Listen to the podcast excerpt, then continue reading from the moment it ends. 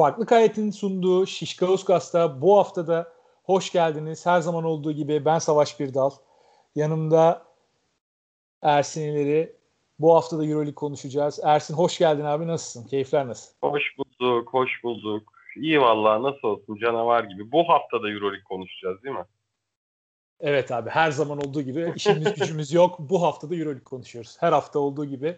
Bu hafta da maçları izledik. Gereğinden fazla önem atfettik Euroleague maçlarına ve vaktimizin gereğinden fazla bir bölümünü Euroleague ayırdık ve bu hafta da izlediğimiz yetmiyormuş gibi bir de üstüne bir saat konuşmaya karar verdik. Ee, nasıl geçti haftan? Keyifli miydi?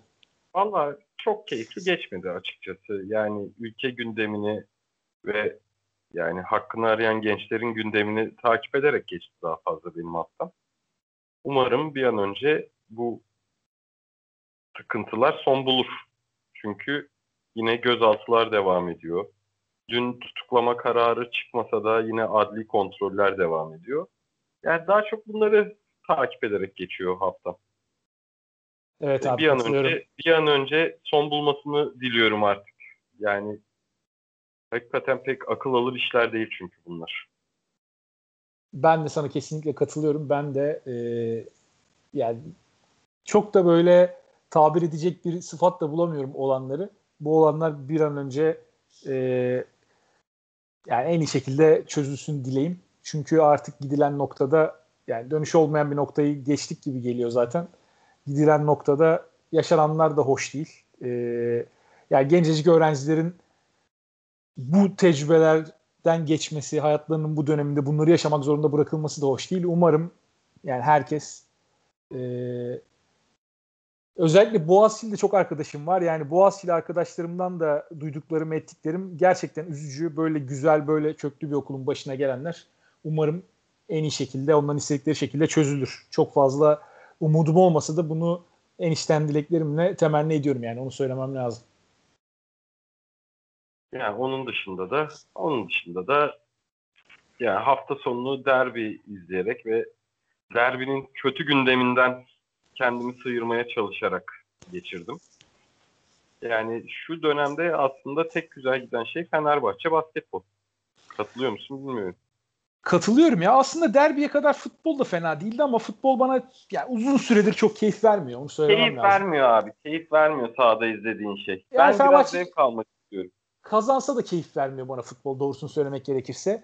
Ya Türkiye'de futbolu keyifli yapan en önemli etmenlerden bir tanesi bana sorarsan seyirciydi. Mesela ben iç saha maçlarını televizyondan dahi olsa keyifle izlerdim Fenerbahçe'nin ama bu sezon yani Fenerbahçe iyi futbol da oynamıyor. Taraftar da yok tribünde. Böyle bir yani çok para harcanıp iyi bir kadro kuruldu ama televizyonun karşısında onun keyfini hiçbir zaman alamadığını düşünüyorum izleyenlerin. O yüzden futbol bana gerçekten keyif vermiyor yani. Bu derbi öncesinde de böyleydi. Derbide de zaten Fenerbahçe keyif vermedi. O yüzden çok da buna mesai harcamayı değer bulmuyorum şahsen ama bunu deyip de tabii önümüzdeki hafta yine maç saati geldiğinde oturup maçı izleyeceğim. Bunu da söylemek yani, lazım. Yani 1 saat 45 dakika şu an saat salı 7. 1 saat 45 dakika sonra yine Başakşehir maçı için ekranları başındayız. Yani ben kendi abi, adıma. E, ben izlemiyorum ya şey. Türkiye Kupası'nı izlemiyorum. Helal olsun. Ben de futbol menajerda Türkiye Kupası'nda hep asistan menajere yolluyorum. ben ben abi çok fazla maç izliyormuşum gibi geliyor artık. Yani basket izliyorum, futbol izliyorum, işte basket ligi izliyorum. Bilmem ne derken yani bir yerden de bir, bir saat 45 dakika cebimizde kalsın diye artık Türkiye Kupası'nı gerçekten 2-3 senedir hiç izlemedim yani. Sadece böyle final minal durumu olursa izlerim. En son Türkiye Kupası'nda ne zaman final çıktı Fenerbahçe onu da çok hatırlamıyorum gerçi. Yani, Aykut ee, Hocam Aykut Hocam Kadıköy'e çıkıyor ama bir izle derim deyip Fenerbahçe'nin keyif veren basketboluna geçelim mi? Bence Hızlıca. geçmeyelim. Bence geçmeyelim. Bence, geçmeyelim mi diyorsun? Bence Barcelona ile başlayalım. Barcelona Efes'le başlayalım. Tamam abi nasıl istersen. Benim şahsi o yönde. Ee, yani Ergin Ataman'a hocam sezonun bundan sonra kalan bölümünü sürekli Efes'te oynayacaksınız. Bir içeride bir dışarıda deseler kabul eder mi? Barcelona'ydı ama Efes. Tabii yani Efes Barcelona ile oynayacak. Bir hafta içeride Barcelona ile oynayacak. Bir hafta dışarıda Barcelona ile oynayacak. Sezonun geri kalan kaç hafta kaldı? Yani. 13-14 hafta falan var herhalde. Ee, yani şöyle de diyebilir. ritmimi bulmuşken bir tane de Zenit maçı verin arada da şunları da bir yenebileyim. Zenit nasıl yenebileceğimi bir görmek isterim. Hazır Barcelona'da ritmimi bulmuşken diyebilir. Ee, yani artık Efes Barcelona'nın olayını çözmüş. Ee, Barcelona'yı böyle yani Barcelona gerçekten bu sene Efes bu sene değil ya 3-4 senedir Efes Barcelona'yı adeta tokat manyağı yaptı ya. O playoff serisiyle başlayan dönemde ya Barcelona'nın iyi olması, kötü olması, 20 milyon euro harcıyor olması, 40 milyon euro harcıyor olması pek bir şey ifade etmiyor. Ee, çok da bir şey değiştirmiyor. Larkin kadrosunda olduğu günden beridir Efes Barcelona'ya karşı inanılmaz bir dominasyon kurdu. Yani en son EuroLeague'de bu kadar yüksek iki seviye arası böyle bir dominasyon ne zaman kuruldu ben şahsen çok hatırlamıyorum. Aklına gelen bir örnek var mı? Fener CSK biraz. Ama yok orada abi CSK çok maç çaldı. Hani hatırlarda kalan e, bir de CSK'nın o Berlin finalini kazanmış olması da sonuçta Fenerbahçe o Berlin finali sonrası asıl biraz onun böyle öcünü alma amacıyla ya sürekli kazandı. Ama yani o dönemde bile mesela CSK'nın galibiyetleri var işte yok Dekolo'nun buzzer beater attığı var. Ondan sonra e, Fenerbahçe mesela bu sezon daha ilk maçta CSK'ya yenildi. Geçen sezon da yenilmişti yanlış hatırlamıyorsam emin olmamakla beraber. Her sezon yani çok dengeli geçiyor. Çok büyük bir rekabetle geçiyor ama yani Efes Barcelona'ya karşı bence Barcelona'nın her şeyini çözmüş. Böyle tamamen istediği oyunu oynayan bir izlenim veriyor. Her Barcelona maçında bana öyle geliyor. Yani bu e, neyle alakalı biraz bunu konuşalım istiyorsan. Şimdi Efes birkaç haftadır iyi gidiyordu zaten. E, son maçlarını da kazanarak gelmişlerdi buraya. Ama tabii Efes'le alakalı Efes işte Kızıl Yıldız'ı yeniyor. Diyoruz ki Efes'in rakibi Kızıl Yıldız değil. E, Efes Kimki'yi yeniyor. E, diyoruz hani Kimki'nin hali ortada. E, ama tabii bir takımda rakipleri kadar oynayabiliyor. Öyle de bir gerçek var yani. Fikstürünün dışında bir tabii. takımda oynayamıyorsun sonuçta. Yani Kimki ile oynarken Real Madrid yenemiyorsun gidip. E, Efes bu maçları kazanarak öncelikle kazanması gereken maçları kazandı. Bunu söyleyelim. Ve e, bu maçları kazanırken de biraz ritim yakaladı. Ama Barcelona maçında Barcelona deplasmanında ben yine Efes'in %100'üyle oynadığını düşünmüyorum ama Efes %100'üyle oynamazken bile gidip de ligin liderini deplasmanda yenebiliyor olması aslında bu Efes kadrosunun potansiyelini ve ileride yapabileceklerini gösteriyor. Bilmiyorum katılır mısın? Bir de bir de şöyle bir şey var. Barcelona maçında oynanan oyun yani şimdi e, geçen sene bir Efes maçı olduğunda insan keyifle açıp izliyordu. Ama bu sene takım ritmini oturtamadı. İşte sakatlığın da bir etkisi var. Mesela Plyce hücumun tıkandığı yerlerde çok güzel katkı veriyordu. Ondan sonra Efes o dönemleri Plyce'ın orta mesafeleriyle geçip yine ritmini bulduğunda akıp gidiyordu. İşte bu sene o Can Simidi de olmayınca hücumda tıkanmalar uzun süre oldu. Efes çok keyif vererek çok keyifli bir izlence sunmuyordu. Ama Barcelona maçında yine o Efes'i gördük.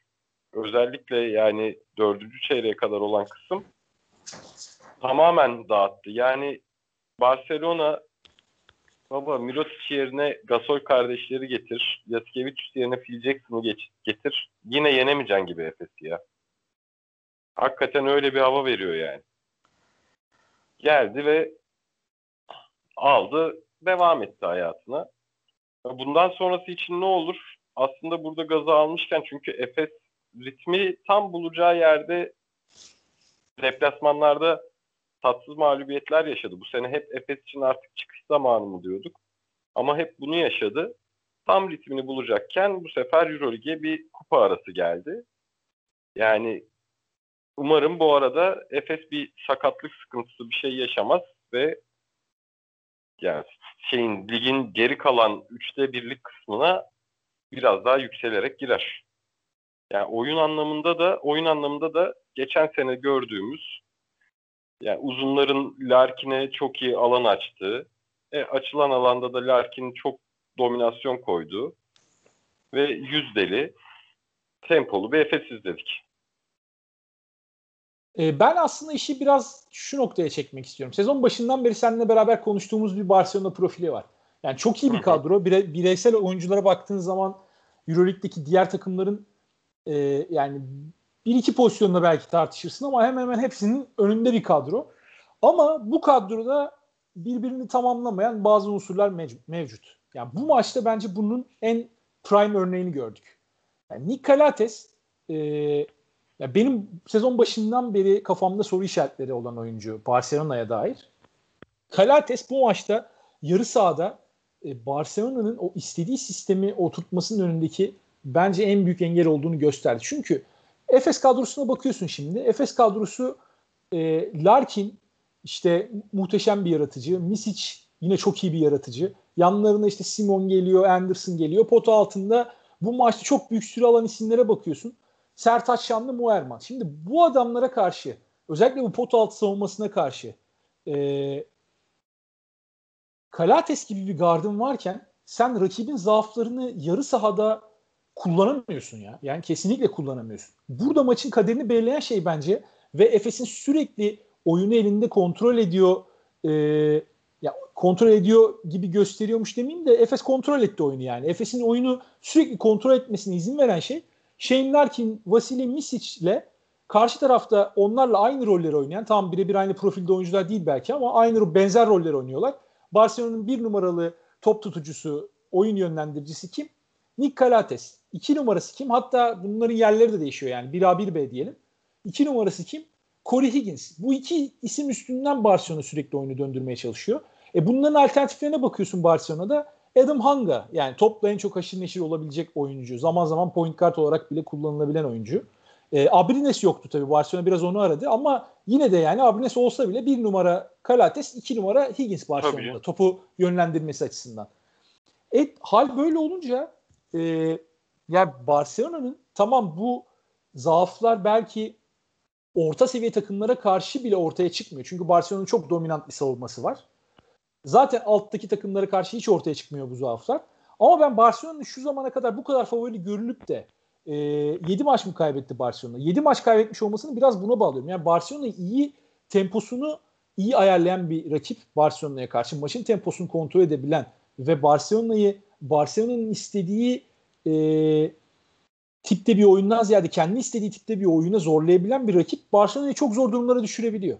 Yani bunu Olympiakos karşısında gördük mesela. İşte Asvel yendi Barcelona'yı. Zenit yendi Barcelona'yı. Yani bu mağlubiyetlerin bence olmuyor olması lazım. Barcelona seviyesindeki bir takım için. Bence de. Burada peki burada peki yani sıkıntı ne? E sıkıntı yine dönüyor dolaşıyor. Kalates'in 10 yıldır gördüğümüz ve hiçbir zaman değişim göstermeyen, hiçbir gelişme gösteremediği problemine geliyor. Yani Kalates dripling üstü şut atabilen bir oyuncu değil. Ki yani set şut atabilen bir oyuncu da değil bana sorarsan. O kadar boş Bence bırakıldığı de. pozisyonlarda bile e, çok zor potayı deneyen ve denediğinde de çok düşük isabet oranıyla oynayan bir oyuncu. Hal böyle olunca bu Efes'e neyi sağladı? Efes'e şunu sağladı. Sertaç Şanlı'yı 29 dakika sahada tutabilme şansı sağladı Efes'e. E Sertaç da Kalates iyi savundu. Yani piken rollarda özellikle tepeden oynanan piken rollarda potaya davet etti Kalates'i. Şutuna hiçbir saygı göstermedi. Çünkü Kalates'in şutuna bir saygı göstermeye gerek yok.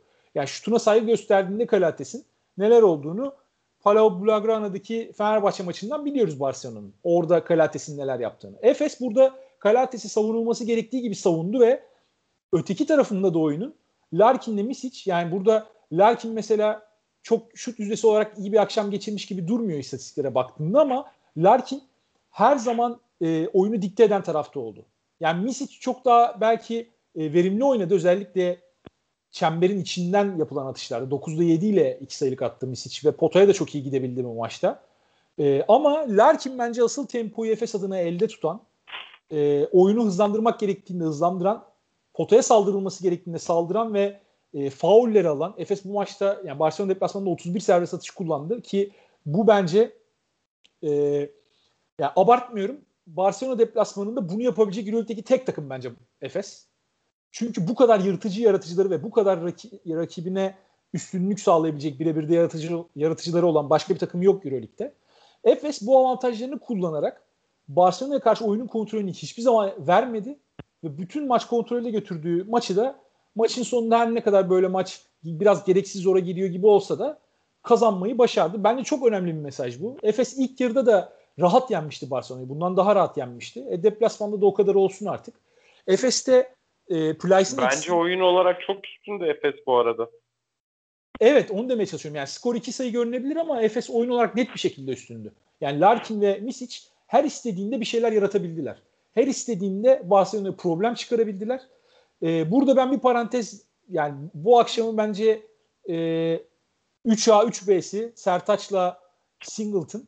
İkisi de çok iyi oynadı. Ya Singleton 17 dakika sahada kalmasına rağmen 13 sayı yaptı. Hücumda çok agresifti ve savunmada da çok agresifti. 4 tane top çaldı. Singleton konsantre olduğunda ve kafası sahada olduğunda neler yapabileceğini gösterdi. Sertaç da özellikle Plyce'ın olmadığı bu dönemde benzer şeyleri aslında ne kadar yüksek bir seviyede yapabildiğini ve e, Dunstan'da yavaş yavaş o fiziksel düşüşü gördüğümüz şu dönemlerde Efes adına ne kadar değerli bir oyuncu olduğunu gösterdi.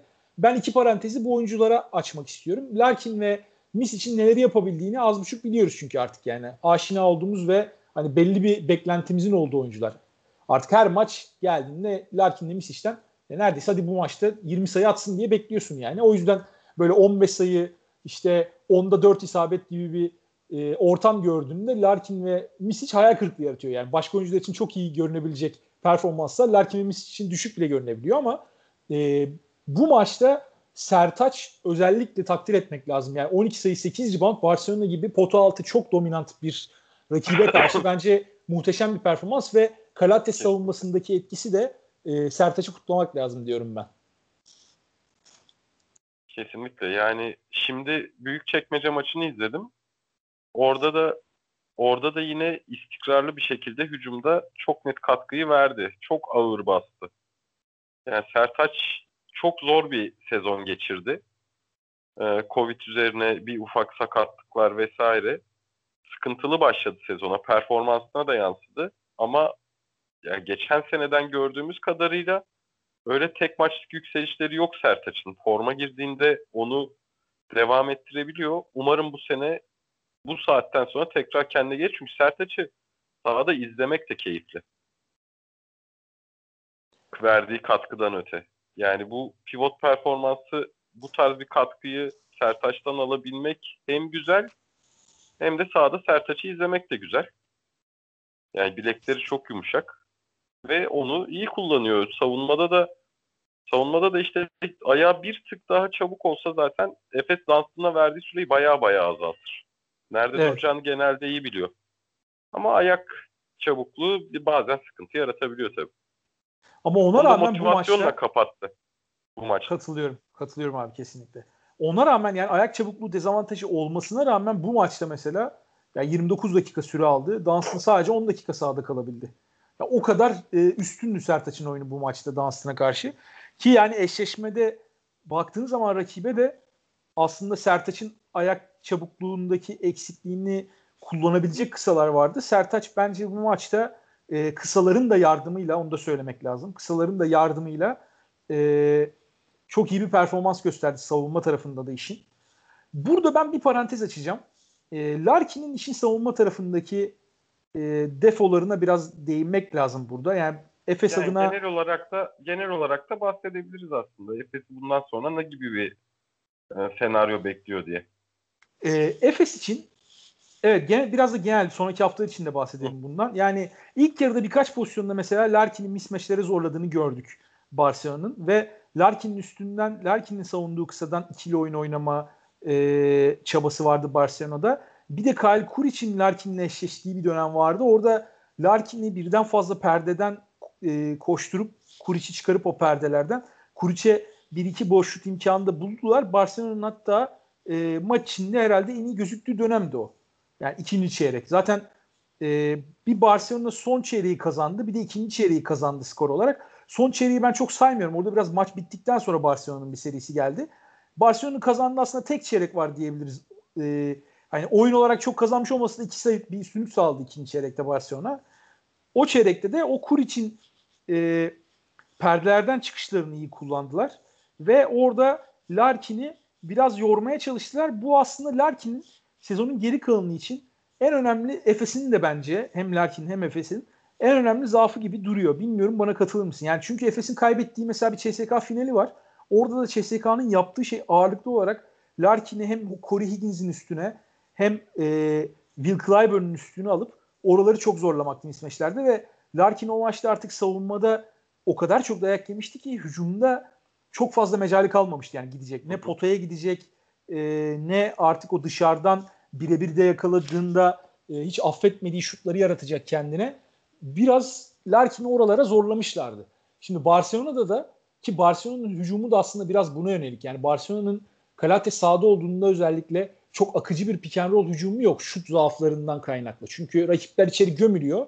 Kalates'in savunmacısı içeri gömüldüğü zaman zaten içeride hep artı bir adamla kaldığında diğer şutörlerin üstünde durman e, bir tık daha kolay olabiliyor. Özellikle Efes seviyesi bir takımsan. Yani daha düşük seviyede atletizme sahip ve daha e, bir alt seviye yani elitin bir alt seviyesi takımlar için bu tabii o kadar kolay bir şey değil. Yani Barcelona'nın da hala ligin lideri olmasının sebeplerinden bir tanesi bu.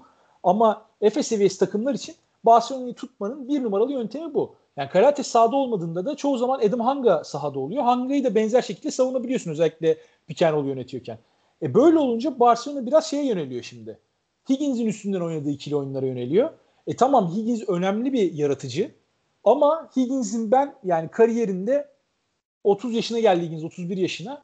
Şu ana kadar bir numaralı yaratıcı olduğu bir takım görmedim yani. Barcelona e, Higgins'den bunu bekliyormuş gibi duruyor şu an sahada ama Higgins CSK'da hem Teodosic'in arkasındaydı hem Decolon'un arkasındaydı. E, Teodosic sonrası da Sergio Rodriguez'in arkasındaydı yine Decolo ile beraber ki Higgins de orada 3. 4. yaratıcı rolünü Will Clyburn'le paylaşıyordu. Ya Higgins'den bunu beklemek biraz Higgins'i fazla zorlamak oluyor bence. Higgins'i de yeteri kadar verimli kullanamamak oluyor. Barcelona buralarda sıkıntı yaşadığında Efes buna cevabı iyi verdi. Yani ben mesela ilk yarıda şöyle bir tweet attım. Bana birkaç kişiden tepki geldi. İşte ben dedim ki Barcelona takımı 40 milyon euro ile hücumda en fazla problemi nasıl yaşay- yaşayabiliriz diye kuruldu dedim. Bana dediler ki işte tam Brandon Davis devrede orta sahadan üçlük attı ya 50 sayıya ulaştı Hı-hı. Barcelona. Bana şey tweetleri geldi işte yani iyi kötü hücum ediyorlar 50 sayı attılar diye. ikinci yarı 3. çeyrekte Barcelona'nın 15 sayısı var. Son çeyrekte de sonlardaki zorlama şutlarla beraber işte 21 sayı atabildiler. 36 sayı attı ikinci yarı Barcelona. Yani rakipler Barcelona'yı savunmak için o planlarını oturtup da Barcelona'yı biraz düzenin dışına ittiklerinde ve Barcelona'da bireyler o gün çok formda değilse Barcelona sistem yoluyla kolay sayı bulamıyor. En büyük problemleri bu. Mesela Efes'i Barcelona'dan ayıran önemli şey bu bence. Ee, biraz uzattım ama hemen buradan bağlayıp Efes'in starlarıyla Barcelona'nın starları arasındaki farktan bahsedip sana atayım abi topu. Efes'in starları bir ikisi Efes'in Misic ve Larkin. Ben Larkin savunmasıyla ilgili tek bir şey söyleyeceğim. Larkin posta savunmayı ya da perde çıkışlarını o teması hiç sevmiyor. Larkin'in birebir savunması karşıdan aldığında bence telafi edilmeyecek kadar kötü bir savunma değil. Ama işin içine temas girdiğinde hiç sevmiyor ya. Evet rakipler de onun farkında ve Larkin'i oralara zorluyorlar sürekli. Larkin'in sezonun geri kalanında biraz daha efor göstermesi lazım. Belki bu fizik kalitesi arttıkça da gelecek bir şeydir diye ben tahmin ediyorum. Hı hı. Hala tamam çünkü abi, sen devam et. Ee, şeyden bahsediyordum. Yani Larkin'le Misic en kötü günlerinde bile etraflarındaki oyuncuları daha iyi yapabiliyorlar. Yani e, hep böyle NBA'de özellikle kullanılan bir şeydir ya make others better diye. Yani LeBron için söylenir bu hep mesela. Şimdi son yıllarda Doncic için söyleniyor bu etrafındaki e, etrafındaki oyuncuları takım arkadaşlarını daha iyi pozisyonlara sokmak, onları olduklarından daha iyi göstermek bir süperstarın bence en önemli özelliği. Belki de kendi skorunu yaratabilmesinden bile daha önemli bir özellik. Bir de bunu kendi skorunu yaratmayla birleştirdiğin zaman Efes'in neden e, gününde olduğunda çok durdurması çok zor bir takım olduğunu anlıyorsun. Barcelona'da bu yok. Yani Barcelona'da bir numaralı yıldız Kalates tamam etrafındakileri iyi yapabiliyor ama Kalates'in kendi skor üretme potansiyeli çok kısıtlı olduğu için zaten onu kendi haline bırak, bırakıp da tamamen etrafındakilere odaklandığında bu sefer Kalates kimseyi iyi yapamıyor. Yani ne kendi sayı atabiliyor ne o pas kanallarını kullanabiliyor. Çünkü pas kanalları ortadan kaldırılmış oluyor rakipler içeri gömüldüğü zaman. Higgins yani tamam kaliteli bir oyuncu. Birebirde de bazı özellikleri var ama saha görüşü bence kısıtlı o oyuncu olmak için. Ee, ve Mirotic. Yani Mirotic Davis'i de atalım hadi oraya. Yani Mirotic Davis ikilisi Mirotic tabii çok özel hücum yetenekleri olan bir oyuncu ama top Mirotic'e geldiğinde daha önceki haftalarda da söylemiştim bunu. Pozisyon son buluyor. Yani Mirotic ya atıyor ya bitiriyor ya da atamıyor. Top rakibe geçiyor. Yani çoğunlukla tabii atıyor Mirotic ama işte dediğim gibi mesela sen Mirotic'i bırakıyorsun. Mirotic bu maçta 24 sayı atmış. Ya yani 10'da 5 2 sayılık isabet. E, üçlük çizgisinin gerisinden de 4'te 3 atmış. 5 de rebound eklemiş yanına. Çok verimli bir akşam. Ama Mirotic'in oyunun totaline olan etkisine baktığınız zaman mesela sıfır asist Mirotic. Yani Yan Veseli'nin 4 asistle 5 asistle haftalardır oynayabildiği bir ortamda Mirotic'in de mesela bence kesinlikle etrafındakilere daha çok pozisyon yaratabiliyor olması lazım. Yani Mirotic gibi e, özellikle o seviyelerde maaşla oynayan çok büyük beklentileri sahip olduğunuz bir oyuncunun camia olarak. Burada fark oluşuyor işte Efes'le Barcelona arasında. Efes tabii hala bu kadar konuşuyoruz. Neden o zaman Barcelona'nın kaç maç gerisinde? Efes sezon başından beridir e, istikrar sağlayamadı. Bir fiziksel kalitesini en üste çekemedi hiçbir şekilde. Yani Barcelona ne kadar eleştirirsek eleştirelim her zaman atletik e, kalite olarak Euroleague'deki diğer tüm takımların üstünde 5 pozisyona baktığın zaman ve bu savunmada inanılmaz bir uçurum oluşturuyor diğer takımlarla ki Barcelona bence açık ara en iyi savunma takımı Euroleague'in. Yani Real Madrid Tavares kaynaklı bir savunma yapıyor ama Barcelona 5 pozisyonda da boy rakibi. O yüzden Barcelona'nın çok özel bir savunması var. E, farkı yaratan aslında bu. Yani o yüzden Efes eğer ki o fizik kaliteyi yakalarsa, kendi fizik kalitesinin e, top noktasına ulaşırsa sezonun geri kalanında. Ben sezon başında da bunu söylemiştim. Hala aynı fikirdeyim. Eğer ki Efes fiziksel olarak forma girerse ben Efes'i bir Barcelona playoff serisinde veya bir Barcelona Final Four maçında kesinlikle Efes seçerim Barcelona'ya karşı. Ama işte burada bir numaralı olay Efes'in o formu yakalayabilmesi, istikrarı yakalayabilmesi.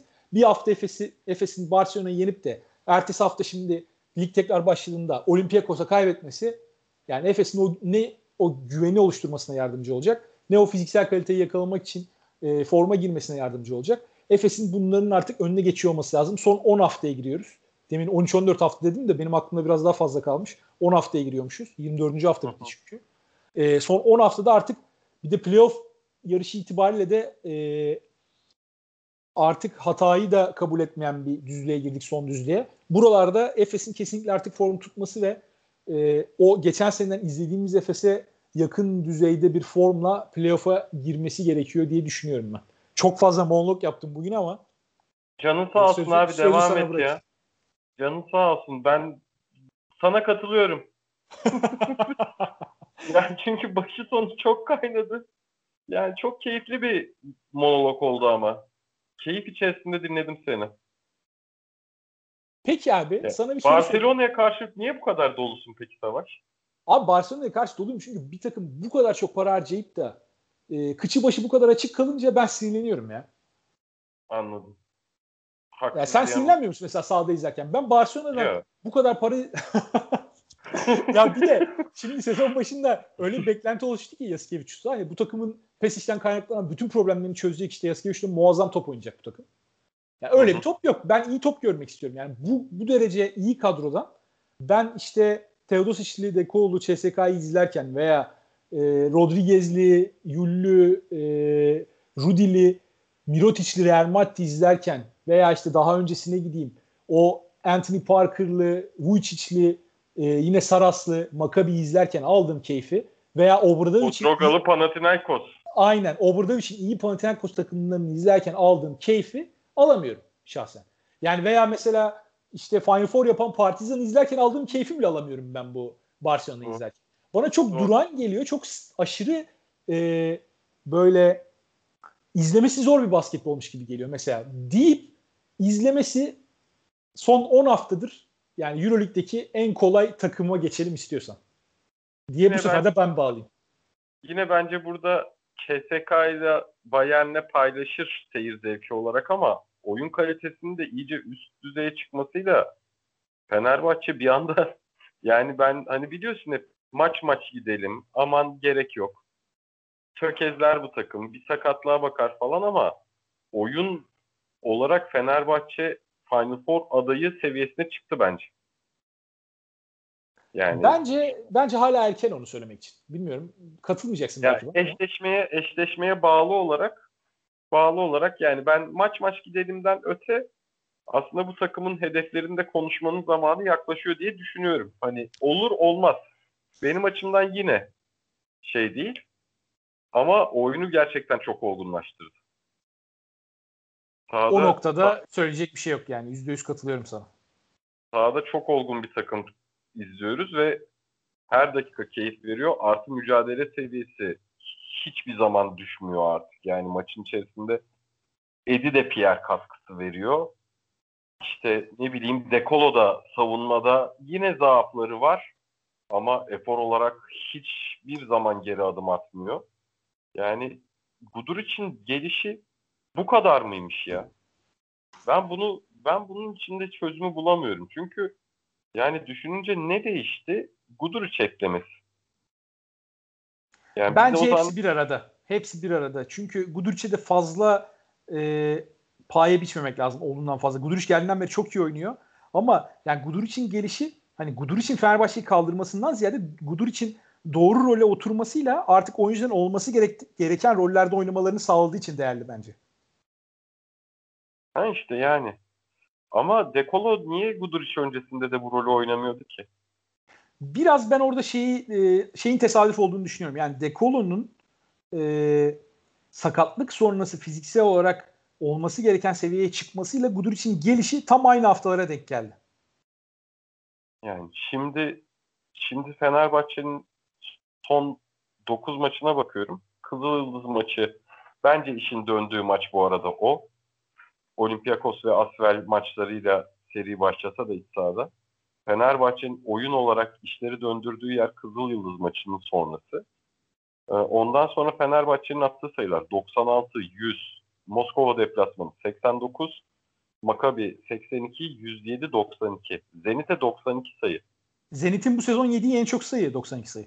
Ya evet. 93 diyememişti Zenit daha önce. Evet yani bunu bunu başarmak ve bunu başarırken daha da fazlasını da yapabileceğini hissettirmek ya işte ne bileyim Dekolo ile Guduric doğru topu paylaşınca bu kadar olabiliyor muymuş yani? Onu oturtamıyorum. Hala oturtamıyorum kafamda bak. Ne değiş ne değiştiği oturtamıyorum. Yani o Brown'un Kızıl Yıldız maçındaki son saniye basketi takım güvenini direkt yani şey gibi Elon Musk tweetleri gibi pampladı mı? ne yaptı? ya bu Bitcoin işine hiç giremedim. Çok canım sıkılıyor ya. Abi şu an kaçta oturan bence hiç girme bu saatten kaçta sonra oğlum. üzülürsün. Zaten ben yani kaçınca biz duyuyoruz zaten. Hiç anlamadığım işler. Vallahi var ya. alıştık alıştık dolara, euroya parayı tutmaya. Hiç oralardan çıkıp bir yere gidesim gelmiyor yani. Güvenli limanlar her zaman için iyidir abi. Bence evet, evet. Fazla riske gerek yok. Yani ee, ben şahsi fikrimi söyleyeyim düşünüyorum mi? ben Kızıldız maçının. Zaten hani oyun olarak toparlarken bir de özgüveni ve takım ruhunu iyice benimsedi. Ee, benim şahsi fikrim yani Alba maçında işte Alba deplasmanında mesela Dekolo'nun ne kadar felaket top kayıpları yaptığını işte fiziksel olarak ne kadar kötü durumda olduğunu falan hatırlıyoruz mesela. Şimdi açtım baktım e, Alba deplasmanın istatistiklerine. Dekolo 16 sayı 16 dakika oynayabilmiş. 2 sayı atmış. 3 top kaybetmiş 16 dakikada. Yani öyle bir noktadan geldi Dekolo buraya. E, Dekolo'nun sakatlık sonrası bir de şimdi yaşlı artık 32-33 e, form tutması bence biraz zaman aldı. Bu bir numaralı faktör bence Dekolo açısından. Ama iki numara burada Guduric'in gelmesiyle Fenerbahçe Lorenzo Brown'lu olan bağımlılığından tamamen kurtuldu neredeyse. Ya şu an baktığında Lorenzo Brown artık bir yedek rolde e, ortalama 15-20 dakika arası süre alıyor. Eğer iyi ise bunun üstüne çıkabiliyor. Performans bazlı veya rakip guardlara biraz fazla böyle savunma baskısı gerekiyorsa Brown bun, bunun üstünde kullanılabiliyor ama Brown bunun dışında çok fazla kullanılmıyor. Tercih etmiyor Kokoşkov. Artı sahada olduğu zaman da Brown hiçbir zaman e, tabii pozisyon bazlı bazı anlar oluyor Brown'un yaratıcı olarak kullanıldığı ama yarı sahada Kokoşkov her zaman için Guduric Brown ya da Dekolo Brown yapmaya çalışıyor ve burada Brown'u hep köşelere ya da çaprazlara koyuyor. Orada spot up e, şu tehdidi yaratabilsin diye Brown ki bu konuda da Brown aslında çok başarısız bir oyuncu değil. Hani e, dribbling üstünden çok kötü bir şutör. Bırakırsın atsın. 10 sefer o atsa onunda da boş bırakırsın bırakırsın dribbling. Ki beşinciyi sokarsa beşinciyi sokarsa bir 10 tane daha atar yani. Aynen. Ki o da atmaya devam eder yani. Atar. Öyle bir alışkanlığı olan bir oyuncu. Ama mesela köşelerden falan fena atmıyor Brown. İstatistiklere bakmak lazım. Eminim %35'in üstünden atıyorlar, atıyordur köşelerden. Ki Zenit maçında da mesela bir tane soktu yine oradan. Çaprazdan soktu yanlış hatırlamıyorsam. Brown'un bu role geçmesi Fenerbahçe hücum olarak çok rahatlattı. Artı e, bunların yanına Veseli'nin tamamen artık bitirici değil de yaratıcı role çekilmesi geldi. Yani Veseli de fiziksel olarak bence sezon başına kıyasla çok daha iyi bir durumda. E, ki Veseli gibi tamamen atletizmine dayanan oyunun önemli bir kısmı. Bir oyuncu için çok önemli.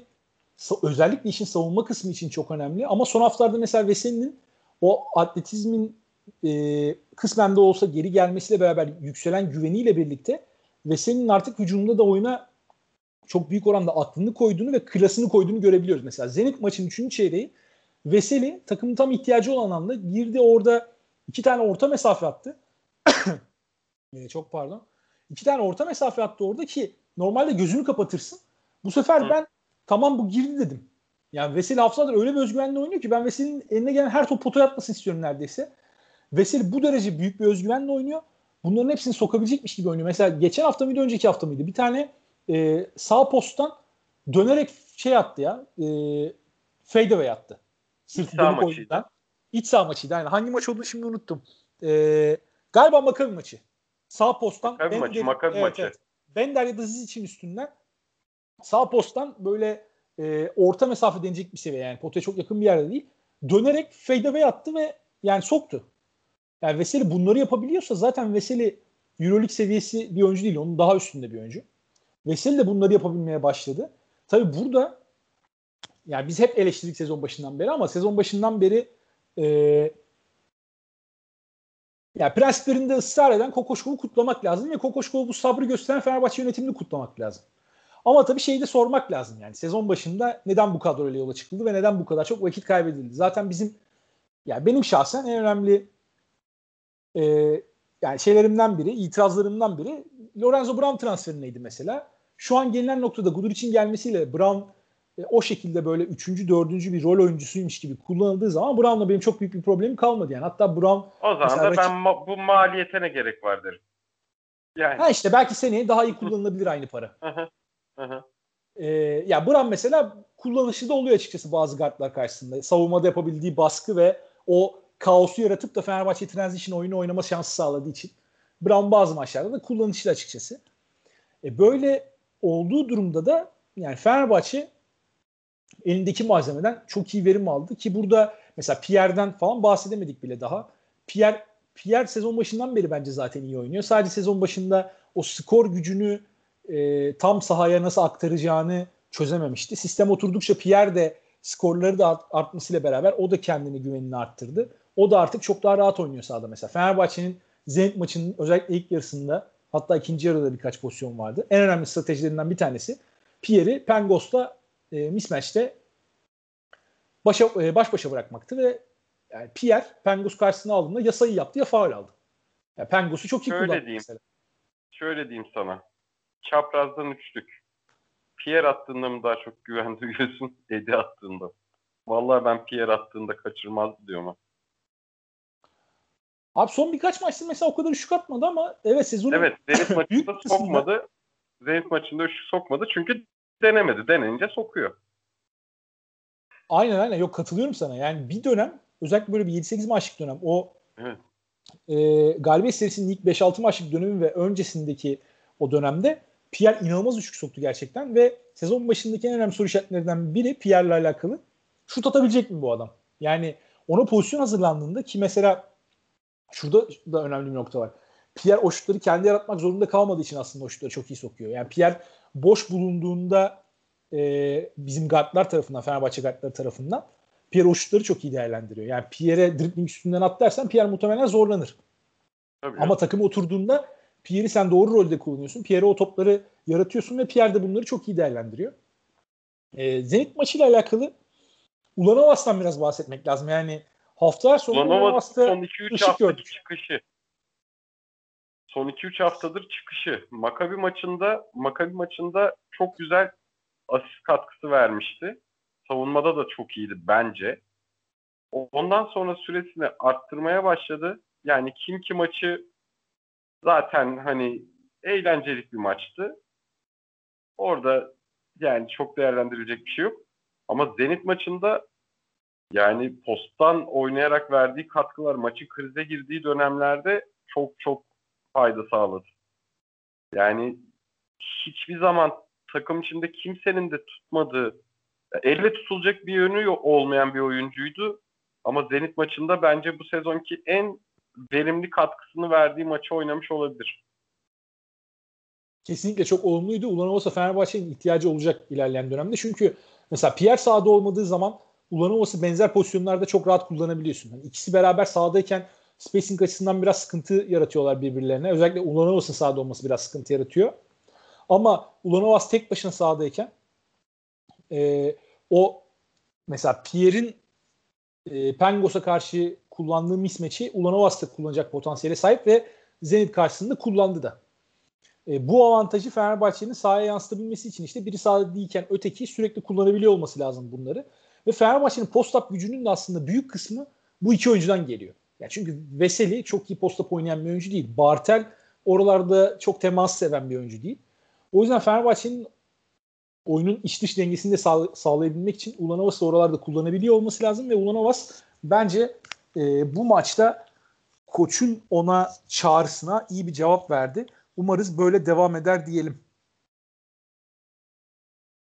Ee, ben sana bir şey soracağım. Pascual'in maçı hazırlığını nasıl buldun? Pascual'in maçı hazırlığı. Yani bu konu hakkında hiç düşünmedim. Sen nasıl buldun? ben Kokoşkov'un maçı hazırlığını çok iyi buldum.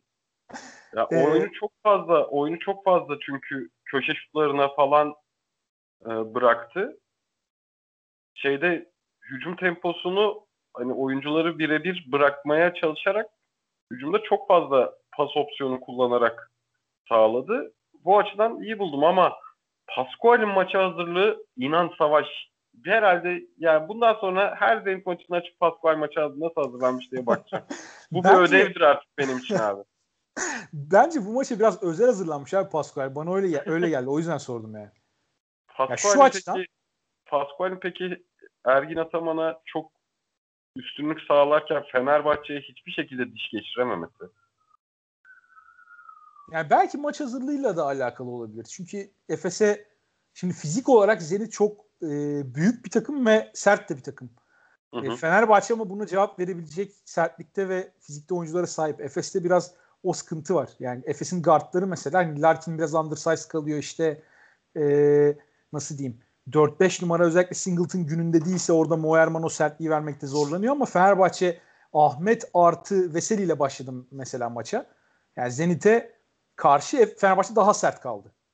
Tabii ben e, şeyi ilginç buldum aslında. Şimdi Fenerbahçe'nin bence bu maçta Ahmet artı Veseli uzun ikilisiyle başlarken ki Fenerbahçe haftalardır bu şekilde başlıyor maçlara ama e, biraz da burada hani burada çok değişiklik yapma ihtiyacı hissetmemesinde Kokoşkov'un e, Zenit'in Gudaitis'le 5 numara başlayacağı beklentisi olduğunu düşünüyorum. Ama biraz orada Pascual mesela ters köşeye yatırdı.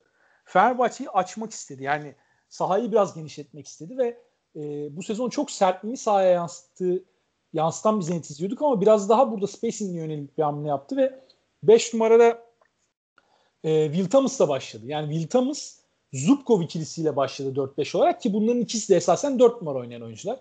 Bir numara e, şey e, bir numaralı olarak burada yaptı hamleyi bence Pascual maça başlarken ki Thomas'ın attığı e, boş üçlüklere baktığımız zaman da bunun işe yaradığını görüyoruz. Yani ilk çeyrekte bence Fenerbahçe oyunu %100 kontrol edemedi. Yani biraz böyle Zenit'in istediği yöne gidiyormuş oyun hissi aldım ben. E, Will Thomas zaten sadece ilk çeyrekte yanılmıyorsam 13 sayı attı. Ya da ilk yarıda. Emin değilim ama Melih'in, çok iyiydi. İkinci yarı Melih'in oyunda olduğu kısım. Melih'in dip üçlüyle bitene kadarki kısmında da Zenit kontrolü tamamen üzerine aldı. Çünkü Melih orada yani üstüne hücum edilmesine çok şey yaptı yani müsaade etti. Savunmada kara delik gibiydi. Öyle de bir sıkıntılı bölüm var. Evet orada Fenerbahçe hücumda da sıkıntı yaşadı. Yani hücumda da istediklerini bulamadı. Zaten Zenit'in herhalde maçı kontrolünde götürdüğü tek bölüm orasıydı. Sonrasında tekrar Kokoşkov hamle yapınca tekrar Fenerbahçe'ye döndü maç. Yani ilk şeyden bahsediyordum. Yani ilk çeyrekte bir de e, dikkat etmişsindir illaki. Alan savunmasıyla başladı Zenit maça. Yani Fenerbahçe'nin bu sezon alan savunmasına karşı ne kadar zorlandığını özellikle Alba deplasmanında gördük. Ama işte Fenerbahçe'nin sezon başından beridir geldiği noktayı hem o senin bahsettiğin e, 4. çeyrek başı ya da 3. çeyrek sonuydu. Zenit'in yakaladığı 10-0'lık seri. Hem o seriye verdiği cevap hem de Fenerbahçe'nin alan savunmasına karşı oynadığı sabırlı ve hatadan uzak oyun aslında Fenerbahçe'nin e, sezon başından beri ne kadar mesafe kat etmiş olduğunu gösterdi bence. Ki Fenerbahçe için bu maçtan alınacak en önemli pozitif nokta bu diye düşünüyorum ben. Peki Fenerbahçe'nin sence alan savunmasına istikrarlı cevap verecek hücum silahı var mı? Bence kesinlikle var. Yani e, şimdi Fenerbahçe'nin yapamadığı şey alan savunmasının ortasına e, o uzunu sokarsın ya bir pas noktası yaratmak için veya kanat oyuncularından bir tanesi. Fenerbahçe onu yapamamıştı Alba'ya karşı. Ve e, yani bulduğu boşlukları da değerlendirmemişti. Şimdi sahada sen Guduric, Dekolo ve yanlarına Edin Melih'i de mesela aslında o amaçla bence ekledi oraya Kokoşkov. Alan savunmasını açabilmek için. Onları şey, eklediğin zaman e, bir de şey Pierre'i mesela e, hemen abi bitiriyorum. Pierre'i ortaya sokup veya Veseli'yi ortaya sokup orada o pas kanalını yarattığın zaman e, o smaç noktasına dunker spot dediğimiz yere mesela Pierre oraya girdi bir tane Veseli'yi buldu Veseli smacı vurdu veya e, Dekolo muydu dışarıdan bulan Veseli'yi neyse Fenerbahçe avans yani, zaaflarını yok. Şimdi lafını kesiyorum çünkü bunu dunker spot olarak söylüyorsun ama benim yaşımda ya da senin yaşında olup e, zamanında basketbol Avrupa basketbolu izleyenler İsmet Badem'den bilir. Alan savunması oldu mu posta uzunu yerleştirip topu ondan oynayacak. Tamam hayır yüksek posta diyorsun sen. yani şey diyorsun dirsekle dirsek serbest atış civarına uzunu aynen. oraya sokacaksın. Aynen. E, etrafını görecek o boşu bulacak. Bu tabii ki evet. bir numara mesela. Oraya işte ben şeyi diyorum.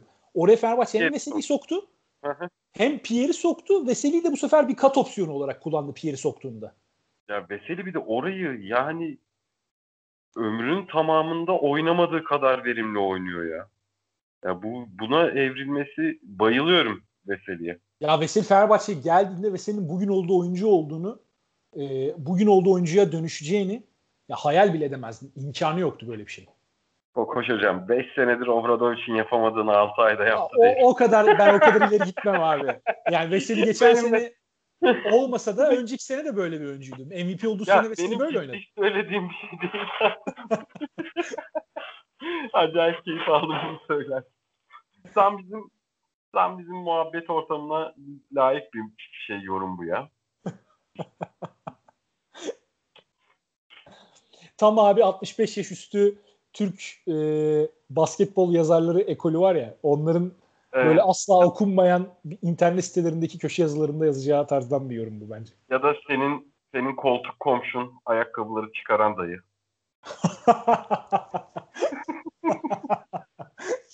Neyse bu sene kombine alamamızın tek e, artı tarafı bence o oldu. Yani biraz ya ayak kokusundan uzaklaşmış olduk. Bu sene artık alırken birlikte hareket edelim ya. İşte ne zaman alabileceksek. Alırız yani değil mi? Abi alabilelim de önümüzdeki seneye. Yani umudum o noktada da çok yüksek değil ama. Evet. Evet. Peki e, maça giren insan sayısının bir tık fazla olması hakkında ne düşünüyorsun? Özeniyor musun? Ya açıkçası ya özen özenmiyorum dersem yalan olur da yani biraz da kulübün yaptığını ben mantıklı bulmuyorum çok. Yani ne diyeyim, ne diyeyim bilemiyorum. Ya Değil futbol mi? maçlarında da çok fazla bence seyirci var. Basket maçlarında da ve ya sokağa çıkma yasağının olduğu saatlerde o kadar adam oraya nasıl geliyor, nasıl gidiyor oradan eve hani ne Yok e, olmuyor. Saat 10'a kadar kimse çevirmiyor. Yani hani çevir diyelim ki çevirdiler abi. Ne diyorlar? Yani maça gittik mi diyor. Özel izin mi çıkarılıyor bu davetlilere? Ben ya, onu anlamıyorum. Savaş. E, cumartesi günü kadın milli maçları vardı. Ahmet Cömert'teydim. Çıktım işte taksiyle eve geçiyorum. İznim vardı işte. Ya bak bir şey diyeyim mi? Saat 11'di. E5'te zaten Perşembe, Cuma gün, Cuma değil de hafta içi 11'de zaten E5'te o kadar trafik oluyor. Yani herkes izinli. Sen niye izinli değilsin mesela? Yani. Ben mi? Evet. Abi ben zaten evden çalışıyorum. Kim bana niye izin çıkarsın ki? Ne bileyim abi yani şu an bir tek sen izinsizsin şu an. O yüzden Türkiye'de tek izinsiz olan sensin. Abi şöyle bir durum var zaten. Yani cumartesi pazar günleri o markete çıkma aralığı olan saatlerde kimse markete gitmiyor ama herkes dışarıda. Yani ben de çıkıyorum. Yürüyüşe çıkıyoruz. Sokağa da çıksan kimse bir şey demiyor zaten. Yani Ve herkes istediği gibi takılıyor. Çok sokağa çıkma yasağı varmış gibi değil o saatlerde. Benim ev benim ev Acıbadem girişinde ya şey Boğa'ya kadar müsaade var. Boğadan diğer tarafa Bahariye tarafına geçemiyorsun. o, ya o mantığı ne bunun abi? Çok mantıksız yani. Tutu, evet. Yani tutarlı hiçbir tarafı yok. Diyor. Mahallenizde kalın diyorlar. Ama zevkli ya. Yürümeyi ben seviyorum valla şeyde. Ya vardır o insanların izinleri. Neyse yani abi da... işte yani şey bana saçma geliyor. Bir de o adamları herhalde televizyon kamerasına görünmesin diye hepsini iç içe oturtuyorlar ya o çok saçma geliyor bana. Yani bir şey yapıyorsan zaten anlaşılıyor bu. Ne gerek var ki öyle bir şey yapmaya? Bari dağıt hepsini ki yay hepsini. En azından bir mesafe olsun arada. Ama onun, ondan da bence tepki daha fazla geleceği için belki de çekiniyorlar. Bilmiyorum. Yani ben neye dayandırılarak yapıldığını da bilmiyorum bu olayın. Ee, bir maçta şey dediler işte e, sağlık çalışanları geldi dediler. Hadi tamam eyvallah ona da. Ee, ama yani bir noktadan sonra da artık çok sağlık çalışanlarıymış gibi durmuyor sadece. Son maç bando bile vardı ya şey maçında Zenit maçında. Evet. Baya yani şey, şey maçı gibiydi böyle hani Fenerbahçe lig maçlarını bin seyirciye falan oynar ya içerideki daha zayıf rakiplere karşı oynadığı lig maçlarını. Hı-hı. O tip bir maç gibiydi yani seyirci. Doğru. Hiç seyircisiz gibi değildi.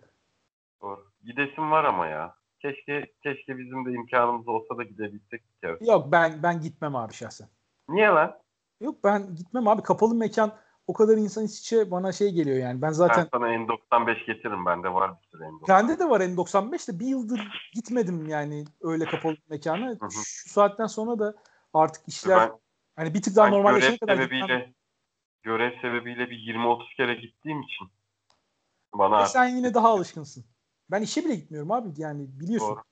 Ben Doğru. son bir yılda 15 e, Mart'tan beri galiba e, ofise bir kere gittim. O da kendi isteğim dahilinde. Hani çağırdıkları için falan değil. Onda da iki saat falan durdum. Bir işim vardı onu hallettim. Mecburen gittim yani.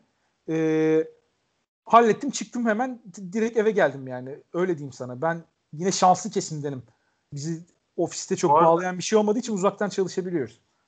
Bu arada o durumu da söyleyeyim mesela hani Euroleague bir şey yapmıyor mu diyen böyle birkaç Efes taraftarı tweet atan gördüm. Ee, Euroleague ülke kararlarını birebir uyguluyor. Aynısı FIBA'da da var. Ama burada işte nasıl o seyirci almayı bir, bir şey seviye çıkartıyorlar onu bilmiyorum. Onun da vardır bir çıkışı yani. Ya ben de bilmiyorum onu.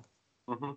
Ya bir ya şekilde bu, bir bir şeye uyduruluyordur bence. Kuralına uyduruluyor Türkiye'de her şey sonuçta. Evet. Yani kulüplere mi bırakılıyor? Ülke kararını mı kulüplerin uygulanmasını istiyor? EuroLeague onu nasıl yapıyor bilmiyorum ama kulüpleri de bırakıyor olabilir.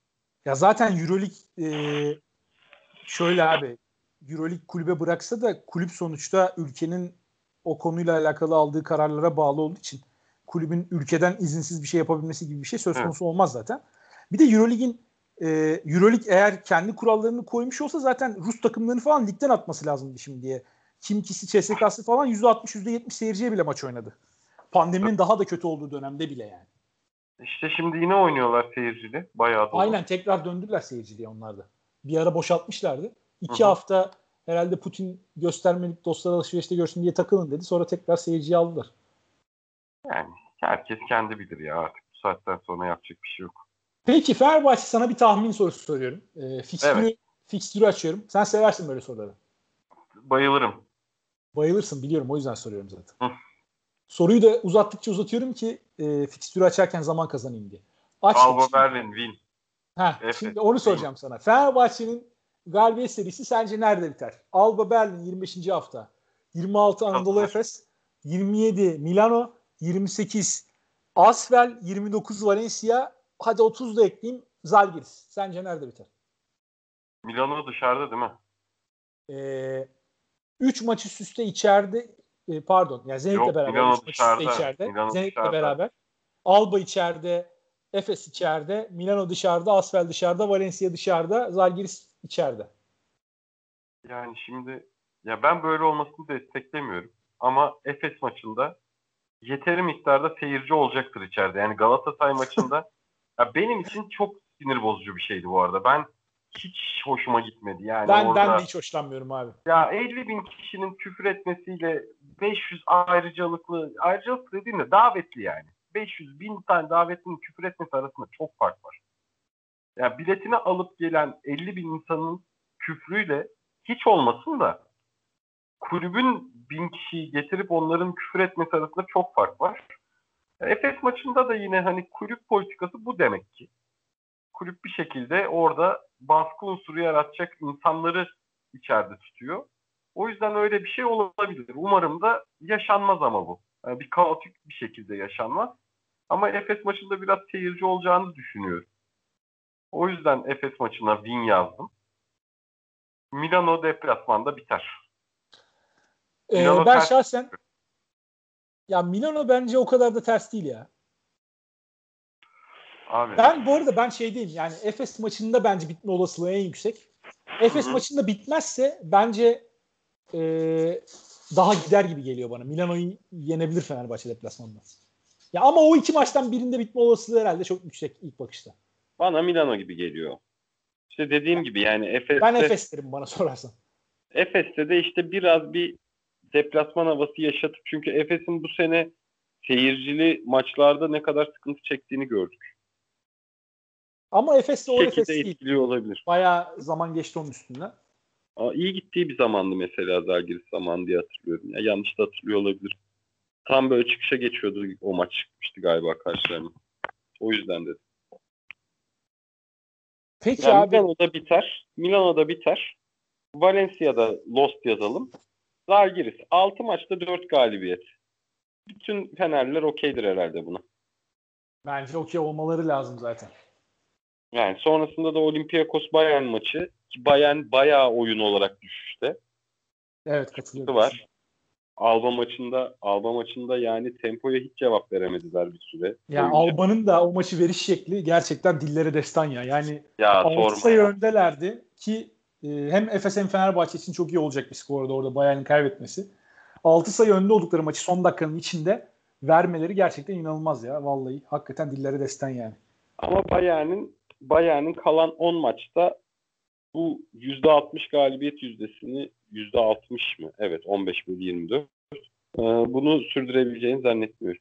Ben de Bayern'den bir düşüş bekliyorum. O o aralıktaki takımların içerisinde. E, hazır sen şimdi Bayern'den girmişken bu hafta aslında bayağı sürprizli bir haftaydı. Biraz onlardan çok kısa bahsedeyim. Yani Panathinaikos'un Olympiakos'u deplasmanda yenmesi bence bu Panathinaikos'un özellikle e, sezonun en büyük sürprizlerinden bir tanesi. Çünkü Howard Sandros'la e, Bohoridis 40 dakika boyunca point guard oynayan iki adam yani Panathinaikos'ta. Ve. Sandros kariyer maçını oynadı zaten. Kariyer kariyerinde attığı en yüksek sayıya ulaştı ve e, üçlük yağdırdı. Lukas'a yazar.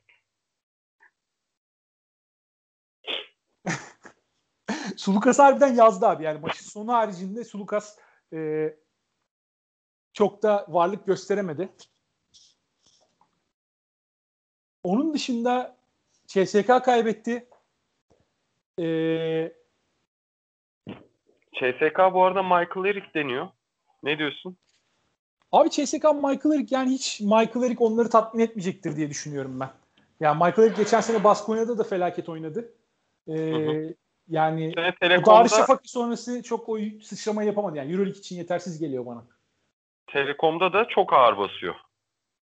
İşte o ara seviyede bir oyuncu. Ya biraz böyle Hı hı. Euro Cup seviyesi veya Euroleague'in alt seviye takımları için bence iyi Hı hı. düşünülebilecek bir oyuncu. Ee, diğer bir sürpriz Asfel Milano'yu yendi. O yani e, bence büyük sürpriz oldu.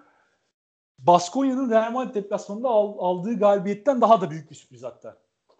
Bence de. Diyelim Bence de istiyorsan bu haftalık bu haftalık e, son noktayı koyalım. Real Madrid playoff dışı kalır mı? Bu, benim- bu da benim Kalmaz sana bence. sorum. Ben kalacağını düşünmüyorum. Bu, bu ara yarar mı diyorsun? Ya aranın yaramasından ziyade hani sıkıntıları var Real Madrid'in. Evet geçen senelerdeki Real Madrid hiç değil. Yaratıcı eksikliği çok göze çarpıyor artık ama e, sağlam bir temel de var yani. Orada Tavares temelli özellikle sağlam bir savunma var ne olursa olsun. Ve e, playoff seviyesinde de yaratıcıları var yine. Tamam biz Real Madrid standartlarını düşündüğümüz için e, Yul'ün şu anki halini işte Rudy Fernandez'in sürekli sakatlanan bir hafta oynayan bir hafta oynamayan halini falan yeterli bulmuyoruz ama yine ellerinde değerli oyuncular var orada. İşte e, Alosen'i biraz daha rotasyona sokmaya çalışıyor öyle son haftalarda. Yine Garubası var pota altında. E, bunlara ek olarak işte Kozör değerli bir oyuncu. Abalde'den bence iyi verim alıyorlar. Fena verim almıyorlar. O, o topu yönlendiriyorken fena basketbol oynamıyorlar. E, playoff'a yetecek kadar şey var orada bence. Malzeme var. yani. Var. Evet. Hayırlısı. Olmazsa şaşırmam.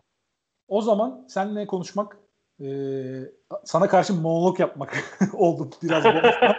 Kusura bakma. Her zaman olduğu gibi. ya Ee, çok- senin senin tatlı canın sağ olsun. Bir şey olmaz.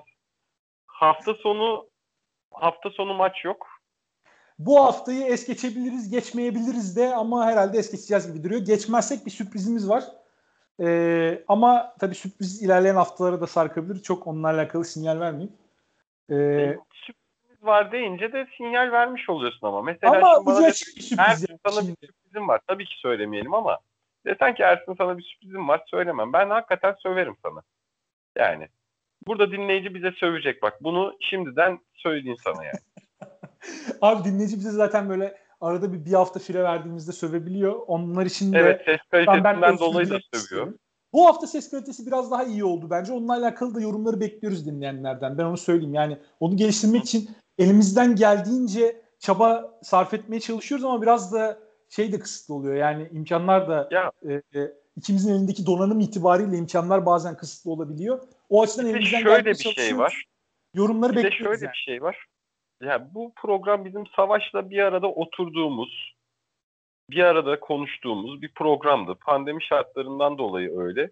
Yani o donanımlara erişmek ikimiz için de Allah'a çok şükür çok sıkıntı değil. Abi ben geçen bir mikrofon fiyatlarına baktım da yani o paraya mikrofon almazsın. Ya öyle öyle de öyle de yani hani sonuçta insana yani üç insanda olsa tek insan olsa da yine yani insana sunduğum bir şey en kalitesini vermen lazım. Tabii tabii. Ama kesinlikle. gerçekten ya onun da ben bakıyorum yani ses ayarı var, bir şeyi var. Ya o da öyle mikrofonu da alınca bitmiyor ki anasını satayım. Doğru İkimizin doğru. Yani. ayarını meç etmek var. Doğru Hakikaten katılıyorum sana. şey Ya ama insanlar da bir şey dinliyorlar hani her hafta dinleyenler için Tabii. e, özellikle söylüyorum. Hani onlar da en iyi performansı Kesinlikle beklemek hakları. haklı. Biz de kesinlikle onu Kesinlikle. anlıyoruz yani. Biz de elimizden geleni yapmaya çalışıyoruz. E, bir eleştiriniz varsa onu da Twitter'dan bize ulaşabileceğiniz Başımla beraber bu arada. Oradan Eleş- iletebilirsiniz bize. Eleştiren diyelim. kim varsa başımızla beraber. Diyelim ve bu haftalıkta veda edelim. Haftaya tekrar görüşmek üzere. Kendinize iyi bakın. Herkese iyi haftalar diliyoruz. Hoşçakalın. Hoşçakalın.